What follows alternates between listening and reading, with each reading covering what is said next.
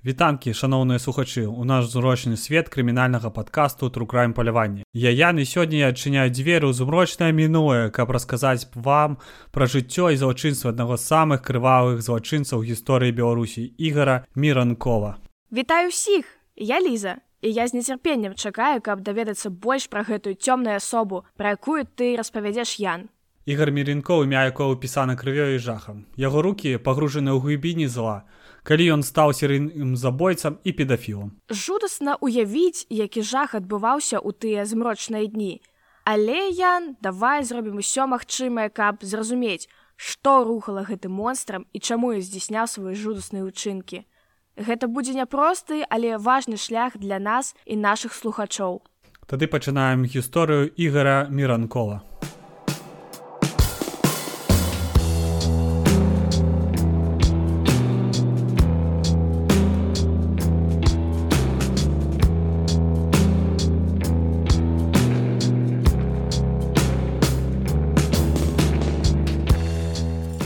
Канец 1980х і пачатак 1990-х гадоў Беларусі адзначыўся важнымі гістарычнымі зменамі і падзеямі дзеля краіны. Гэты перыяд быў часам крымінальных зменаў у палітыцы эканомікі грамадскім жыцці. І ў гэты вызначальны час дзеля краіны адбываюцца падзеі, якія калыхнуць спачатку невялікі рэгіён, а потым і ўсю краіну. У траўні 1990 года у рэчыцы 13гадовы хлопчык стаяў на аўтобусным прыпынку. Да прыпынку пад'ехаў матацыкл чырвонага колеру. Кіроўца папрасіў хлопца дапамагчы яму паставіць намёт. Хлопец пагадзіўся дапамагчы з умовай, што мужчына потым падвязе яго дадому. Калі яны прыехалі на месца, то ніякага намёту там не было. Матацыкліст, пагражаючы отвёрткай, згвалціў яго і забраў асабістыя рэчы, магнітафон і касеты. Па словах хлопчыка гвалтаўнік збіраўся забіць яго, але на шчасце перадумаў. То бок яшчэ ў 1990 годзе гэты хлопец здаў падрабязныя сведчанні, апісаўшы злачынца як маладога чалавека 20-25 год з каштанамі валасымя. На паставе гэтых сведчанняў склалі фотаробат. Хлопчык нават запомніў некалькі лічбаў дзяржаўнага нумера матацыкла. Здавалася б, міліцыя мае дастаткова дадзеных дзеля таго, каб затрымаць злачынца. Але як заўсёды была ў такіх гісторыях, альбо злачынцу неверагодна шасціць, альбо грае чалавечы фактар. У нашым выпадку хутчэй другое. Па нейкай прычыне пошукі злачынца на гэтым завяршыліся і да пэўнага моманту ніякіх рухаў па гэтай справе не было. Так, на жаль, у крымінальных падзеях такое часта здараецца калі міліцыя не звяртае ўвагі на важныя рэчы і сведкі і проста пускае ўсё па плыні.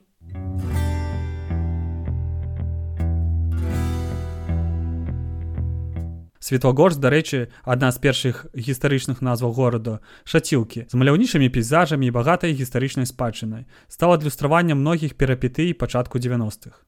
Гарадскія жыхары, як і ўся Беларусь, шукалі сваё месца ў новых рэаліях і рабілі першыя крокі да будаўніцтва самастойнай дзяржавы.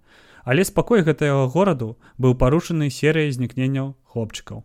Адлік крывавым падзеям пачаўся са знікнення 2 чэрвеня 1990 года у светлагорску 13гадовага Александра Алісейка. Бацькі звярнуліся ў міліцыю і пачаліся пошукі. Знайці сведка амаль не атрымалася, нягледзячы на тое, што аб'ява вышуку былі размешчаны паўсюль. І калі гэта гісторыя пачала забывацца, здарылася другое знікнення хлопца. 16 красавіка 1991 года бясследна знікае яшчэ адзін хлопчык, 11гадовы Віталь Якімаў. Ягоны брат близнюк Валерый распавёў наступное. Расскажи нам коротко, как это произошло. Пришли со школы и он, я его просил, чтобы он пошел со мной на кино, а он говорил, что пойдет с девочкой и с Михалькевичем на, на пикник в лес. Я его спрашивал, не соглашался. Так, в третьем часу я пошел на кино, а Виталий ушел в лес.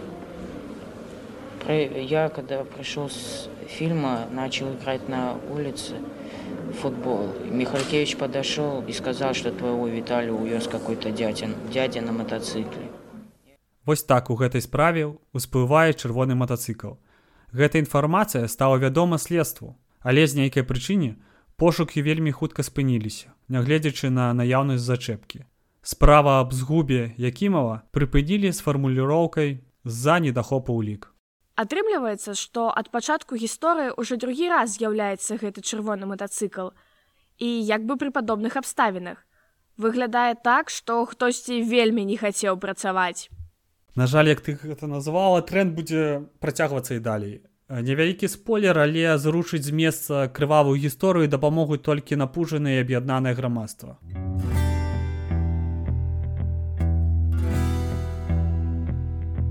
Гэтыя два эпізоды палічылі выпадковымі. І так прайшоў 1991 год. 1992, дзеля жыхароў Святагорску прайшоў спакойна.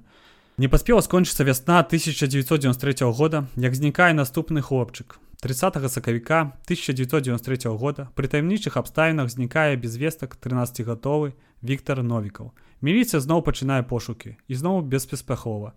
Бацька хлопца Мікалай вяртаецца з працы на поўначы рассіі, каб далучыцца да пошуку сына. А тым часам падзеі пачынаюць паскарацца, нібы нейкі нечысцік карадзе дзяцей з вуліц Святаўгорск. Ужо 10 чэрвеня 1993 года без вестак знікае 9гадовы Сергей Касьяненкова. Днём выйшаў пагуляць во двор і больш дадому не прыйшоў. І ўжо праз 20 дзён знікае 14гадовы Анатолій Рэдчынка. Хлопец днём выйшаў ад сваёй бабулі і так не дайшоў дадому. Калі забегчы наперад, то працэс знікнення адбываўся наступным чынам. Пабачыўшы хлопца, злачынец спыняе машыну каля абочыны. Адчыняе капот і просіць дапамагчы хлопца. Хлопец пагаджаецца і ўжо ў кабіне моцным ударам лішае хлопца прытомнасці. І ўсё гэта адбываецца днём на адной з буйных вуліц горада. Ну вось у серыйных забойцаў так заўжды. Пачынаецца ўсё з ахвяры, якая выжывае не заўсёды. Потым першая кроў, наступная пазней, і праз нейкі час прамежак паміж забойствамі становіцца ўсё менш і менш. Ім становіцца цяжка жыць без гэтай крыві. Так, не ўсе першыя спробы гвалту сканчаюцца забойствамі. Але вельмі часта на серыйніка ўплываюць абставіны. Дзеля прыкладу можна ўспомніць слухай Андрэя Чкаціву. Адна з першых спробаў скіліць хлопца да аральнага сексу скончылася збіццём чыкацівы старэйшымі хлопцамі. Бо ўсё гэта адбывалася ноччу ў інтэрнаце. І пасля гэтага выпадку чыкаціва пачаў насіць нож з сабою. Ці можна ўспомніць з папярэдняга выпуску Мазуркевіча, які проста не спраўдзіў, ці забіў ён афіцэра войска польскага ці не. Што датычыцца самого Меренкова, то ўжо на судзе ён выказваў шкадаванне, што не забіў хлопца з рэчыцца. Як бы адказваючы на другую частку твайго каментара, мне падаецца варта ўспомніць бухановскага невялікая рэмарка бухановскі гэта знаны эксперт псіхалогіі. Ён составіў якасны псіхалагічны партрэт чыкаціў ну так вось ён кажа на першай стадыі як бы ў двух косцях салодасць забойства зацягвае маньяка але спачатку ён фантазуе пра крывавую расправу. На другой стадыі актыўна выяўляецца фізічная залежнасць са стратай кантролю над сітуацыяй і апошняя стадыя палявання за ахвярай бо для злачынца ахвяра ўжо ананімна яна не мае асобы. Таму магчыма серыя забойстваў міранкова павялічваецца таму што ён уже пачынае страчваць кантроль над сабой і над сітуацыяй. Ужо сітуацыя кіруе самім міранковым.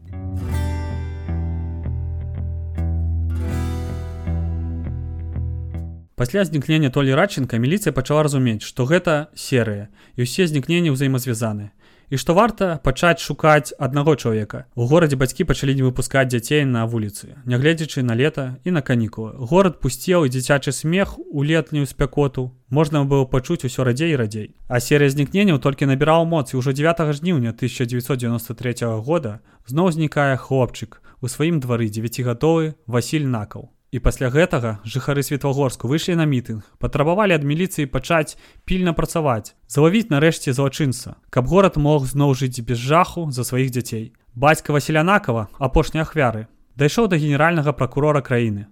Пасля размовы светлагорск была выслана спецыяльная група следчых. Узначалі ее следчы па асоба важных справах генеральнай пракуратуры Рэспублікі Беларусь Язэп Язэпавіч Бройліс. Вось што кажа сам следчы Язэп Язэпавіч пра ход расследавання над справай. Значит, э, после последнего происшествия, когда исчез Вася Наков, это было 9 августа 1993 года, э, милицией, вот, управление внутренних дел области, а также э, Министерство внутренних дел республики, были приняты меры и довольно значительные усилия к тому, чтобы раскрыть это преступление. В Светлогорске работала очень большая группа, по-моему, 25 даже, человек 30 даже, со всех э, э, районов области и с республики. Э, областная прокуратура также занималась Тогда довольно интенсивно тут работало. Следователи были, прокуроры были. И в частности, вот путем розыска значит, были проведены опросы практически всех учащихся всех школ, а их же, по-моему, 11 где-то тут, плюс техникум, плюс профтехучилище. Это очень большое количество. Опрошены практически все жители, ну не все жители, а, скажем так, обитатели всех квартир в третьем микрорайоне.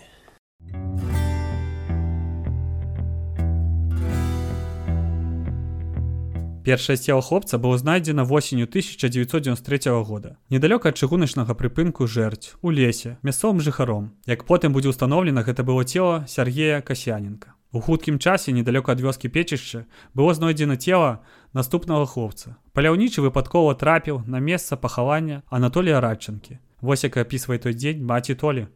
Мы прыйшлі ў морг, нам позвонили и сказали, что нашелся, нашли останки. Мы пришли в морг, это было в обед. Нам показали только одежду. Одежда вся изорванная была. Я, вы знаете, в, в таком шоковом состоянии как-то сразу и не могла даже поверить, что уже, что уже его нет. Что это только вот все, что от него осталось. А потом на следующий день я уже сама пошла, и мне показали череп, косточки и все остальное все потому что трудно было, конечно, пережить то, что посмотреть, увидеть одну одежду, а когда уже все вместе, это очень трудно. Вяліся актыўныя следчыя мерапрыемствы па пошуку злачынца. Але гэта ускладнялася адсутнасцю сведкаў альбо мінімальным сведчаннямі ад іх. Але ж у ходзе доўгіх і скрупулёзных пошукаў было выяўлены магчымы злачынца. Вось што кажа пра гэта старшы следчы па асоба важных справах Язэп Бролішс. В отношении его проводилась следственная работа и работа путем уголов... Э, действия уголовного розыска. Он был в качестве подозреваемого, ну, потенциального подозреваемого, так скажем. Проверялся он. Где-то начиная с марта, апреля 1994 года. Вось ты распавядаеш пра ахвяры, абставіны, пры якіх знікалі дзеці і пры якіх абставінах знаходзілі іх целы. А ці вядома штосьці пра дзяцінства самого меранкова? Ну слухай вельмі добрае пытанне. Я чамусьці разлічваў што ты яго паднімеш троху пазней але я ўсё ж таки адкажу зараз. Нейкай канкрэтнай інфармацыі няма. Вядома што бацька не жыў з імі. Мірынкол спрабаваў знайсці бацьку і сустрэцца але гэта зразумела яго не атрымалася. Наконт маці суседзі казалі што яна вельмі рэлігійны чалавек Мачыма была ў секце. Але зноў жа гэта інфармацыя недасканалая. І ў іх кватэры збіраліся ўсё часцей людзі дзеля малітваў. Маці ўвесь час настойвала на тым каб ігар шоу вучыць вучыцца ў духоўную навучальню. Меренком казаў, што меў дастаткова таварышаў знаёмых. Таксама сам маняк азначыў, што ніхто з іх нават не здагадваўся, што гэта ён серыйны забойца і нават не ведалі аб яго нахільнасцях у сексуальным плане.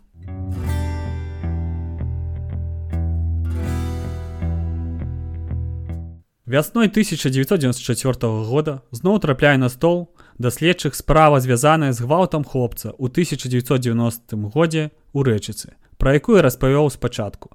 На гэты раз быў усталяваны першы ўладальнік чырвонага матацыклу ява. Як аказалася, падазраваны ўжо быў затрыманы.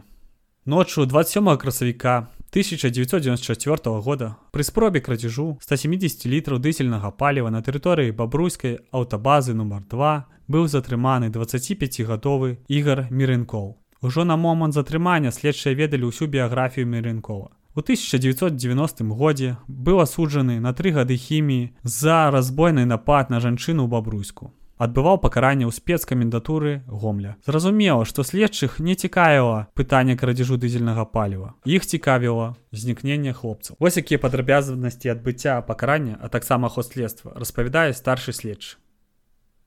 Во-первых, значит, он, отбывая наказание в спецкомендатуре, уезжал, согласно существующим порядкам, уезжал в краткосрочный отпуск в Светлогорск матери.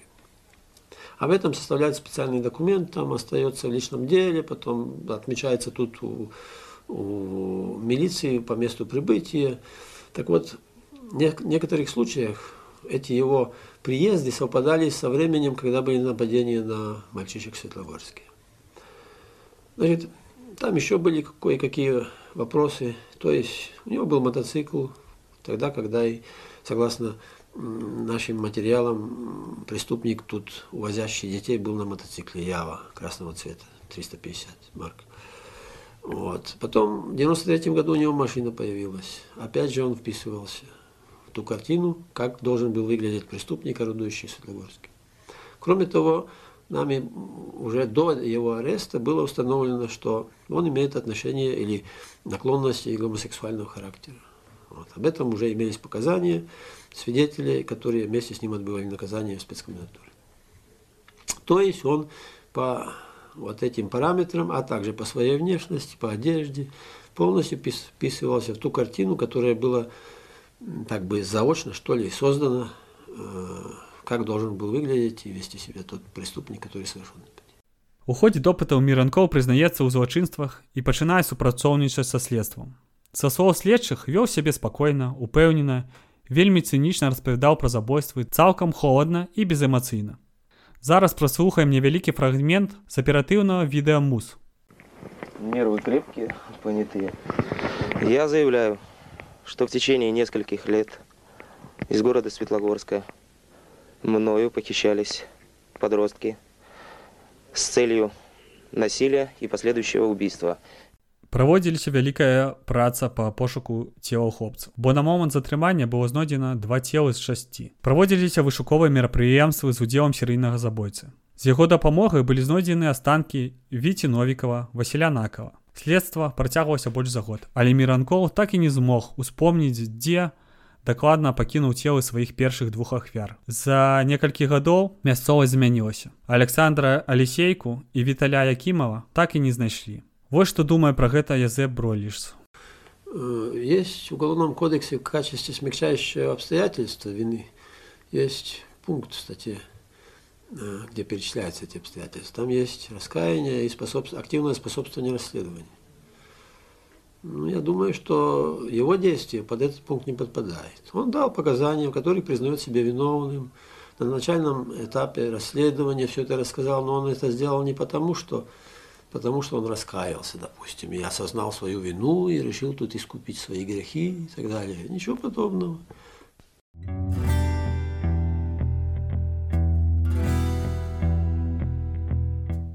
Яшчэ адзін важны момант што мірянкоў і апошні забіты ім хлопчыкаў вася накаў жылі ў адным двары. І калі ішлі пошукі хлопца прыкладна на трэці чацвёрты дзень міранкоў сваёй маці пайшоў да бацькі васі з прапановай дапамагчы ў пошуках сына. Потым гэты момант мірянкоў выкарыстоўваў на суде нібы пасля забойства апошняга хлопца яго прачнулася сумленне. І так ён жадаў здацца але не ведаў як гэта зрабіць. Але часамі бытаўся ў сваіх словах пра гэты эпізод і казаў што нібыта гэта дае яму жалезнае алібі. Не ведаю, што там наконт алібі, але тое, як яго схапілі, падобна на тое, што ён сам хацеў быць затрыманым. Занадта гэта неяк глупска было. Хто ведае, што яго паштуркнула на такі ўчынак. Магчыма, хацеў даведацца больш інфармацыі аб ходзе следства. Альбо паказаць сябе добрым суседам ці ўвогуле насамрэч здабыць сабе алібі.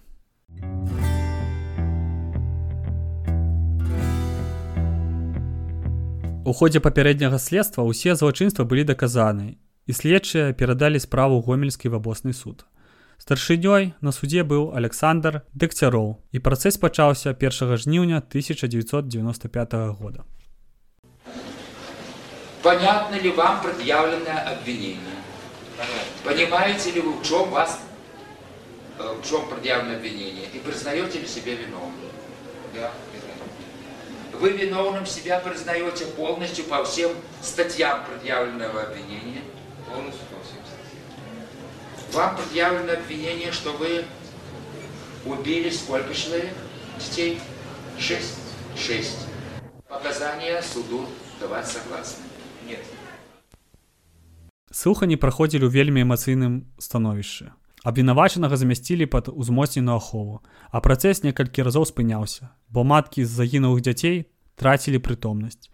На пытанні суддзі і пракурора абвінавачаны адказваў не заўсёды. А калі адказваў, рабіў гэта максімальна коротка. Беранкоў растлумачыў, што дзяцей ён завабліў сваю машыну пад рознымі падставамі, а пасля вывозіў іх у лес. Там ён гвалціў выкрадзеных, а пасля гэтага забіваў, наносячы удары ножом і спрабуючы задушыць ахвяр рукамі. Незадоўга да затрымання Меренкоў прадаў сваё аўто па запчастках і завіў міліцыю праз гон. Дарэчы, бяўдзеж страх нават выплаціў яму кампенсацыю, што пазней кваліфікуюць як махлярства. Я не разумею, як увогуле можна не раскаивацца ў такіх жахлівых учынках. Не можна зразумець, але прынамсі можна прасачыць, адкуль бярэцца жаданне дарослых людзей забіваць. Але ж ну дзеці, што яны маглі зрабіць? Слухай, мне падаецца адказ у тваім жа пытанні. Чаму дзеці? Таму што што яны могуць зрабіць?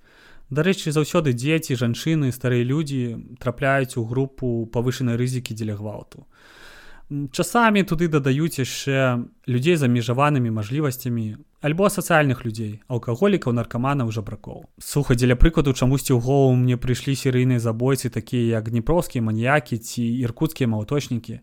Усе яны акурат забівалі людзей з гэтай групы.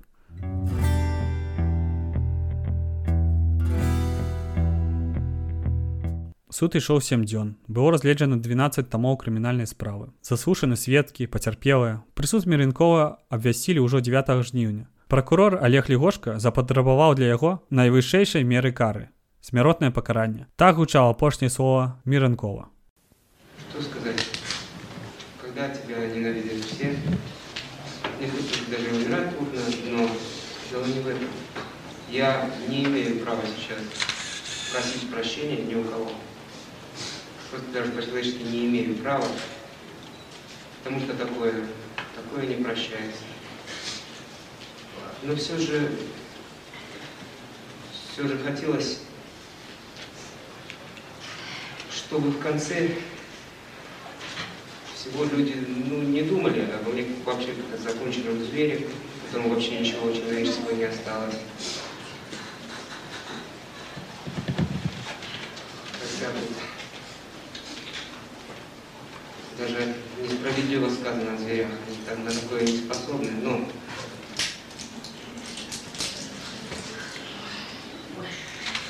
я не знаю, как мне найти слова, да и стоит ли их искать. Одно скажу, что я никогда не надеялся на другой приговор, иначе как смертная казнь.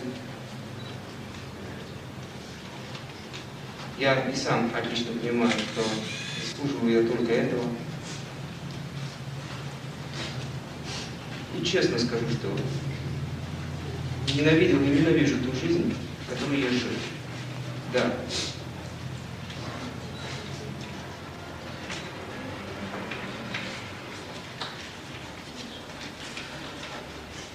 Ну что добавить еще? практически нечего. На этом все. Пасля гэтых слоў суд выдаліўся для вынясення прысуда. Выніку чакалі сотні жыхароў святогорску, якія памкнуліся ў будынак суду. Пры ўваходзе нават усталявалі гучнамоўнікі, каб усе ахвотныя маглі пачуць прысуд. Суддзя Александр Дзегцяроў вярнуўся праз гадзіну і вынес вердыкт расстрэл з канфіскацыяй маёмасці. Меренкоў не пісаў прашэнне пра змянення кары. Наадварот, ён папрасіў камісію па пытаннях памілавання хутчэй выканаць прысуд і нават напісаў адпаведную заяву.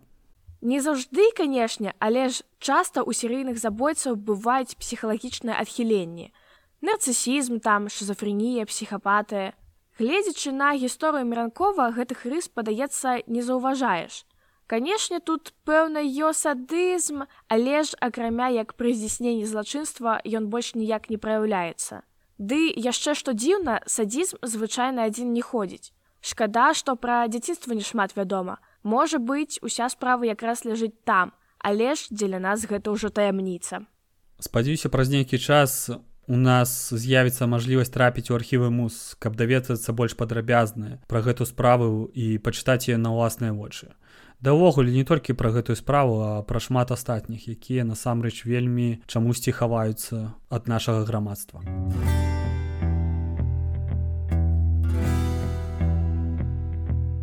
Цяпер хацелася больш звярнуць увагі на само з'яўленне педафіліі.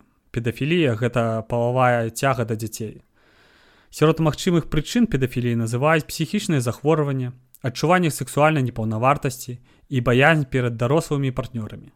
Паводле дадзеных статыстыкі каля 25соткаў жанчын узгадваюць спробы мужчын зблізіцца з імі, калі яны былі яшчэ дзецьмі.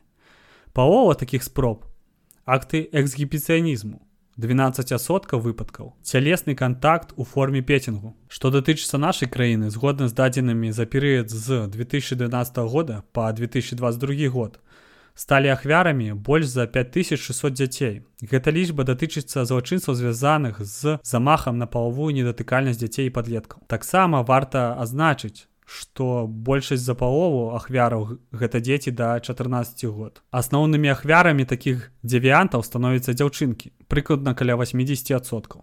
Таксама зараз муз падрыхтоўвае праект закону аб унясенні змена ў крымінальны кодекс, дзе будзе прапісана, што разам з пакараннем за злачынствы па прыгаворы суда прадугледжана прымусовае лячэнне педафілаў і можа быць прыменена нават хімічная кастрацыя.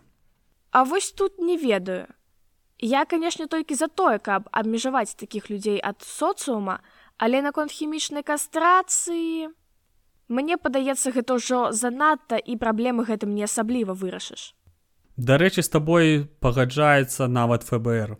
Федэральна бюро расследаванняў ЗША у ходзе даследаванняў і класіфікацыі педафілаў выяўліў такі тып педафілаў як садыст Гэты чалавек не толькі адчувае відавочнае выключна сексуальную цягу да дзяцей, але і падвяргае ахвяр псіхічнай і фізічнай болі. У такіх злачынцаў узбуджэнне ўзаемазвязана ад рэакцыі ахвяр на боль і пакуты. Такія злачынцы, хутчэй за ўсё, схільныя да кантролю, вельмі часта выбіраюць адпаведныя прафесіі. І нават калі такім людзям правядуць хірургічную альбо хімічную кастрацыю, гэта не спыніць іх перад злачынствамі. Проста яны стануць яшчэ больш жорсткімі садыстамі. І з прычыны таго, што не могуць атрымаць сексуальнае задавальненне, будуць атрымліваць псіхалагічнае задавальненне ад здзекаў і катаванняў сваіх ахвяр. Таму часамі самы просты шлях не самы лепшы мне падаецца. Мне падаецца, з такім трэба працаваць дзяцінства. Канешне, хутчэй за ўсё гэта не так проста выявіць, але прынамсі трэба звяртаць увагу на дзяцей з дрэнных сямей, у якіх ёсць праблемы з кантролем гнева. Думаю, калі прапрацоўваць гэта ўсё з самага пачатку, то ў будучыні можна пазбегнуць ахвяр.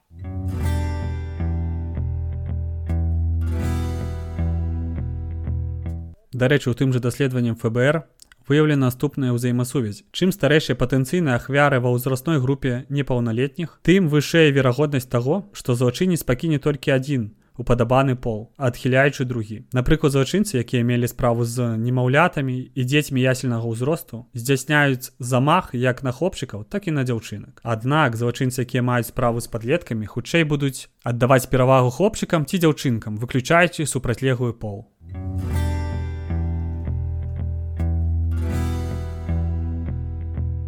Так ну і цяжкі сёння выпуск атрымаўся.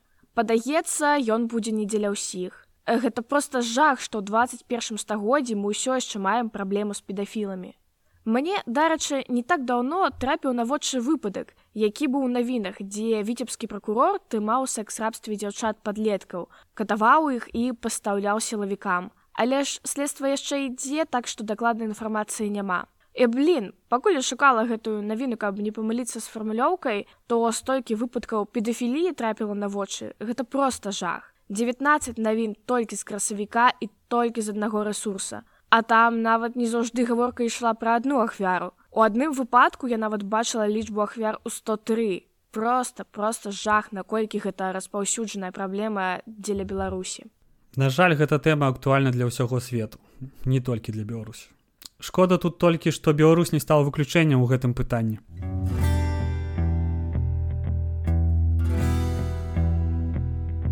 Дзякуй, што правялі гэта змрочнае падарожжа з намі, шаноўныя слухачы. Мы спадзяемся, што вам атрымалася лепш зразумець і ўсвядоміць складанасць чалавечай прыроды і важнасць змагання з крыміналам.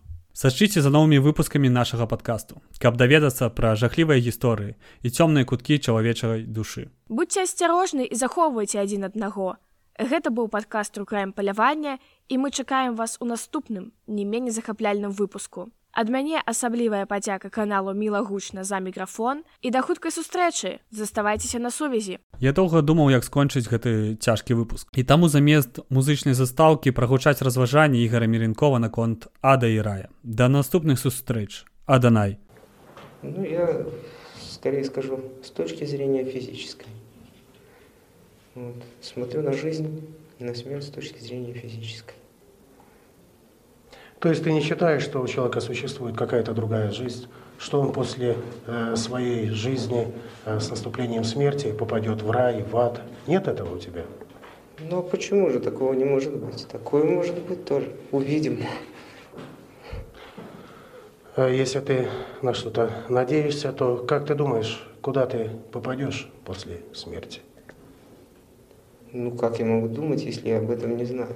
Я и даже предполагать не предполагаю. Не знаю. Но думаю, что если так по, значит, э, религиозным понятиям, ну, то, конечно же, в ад. Ну, а так, ничего, ну что можно сказать еще на эту тему?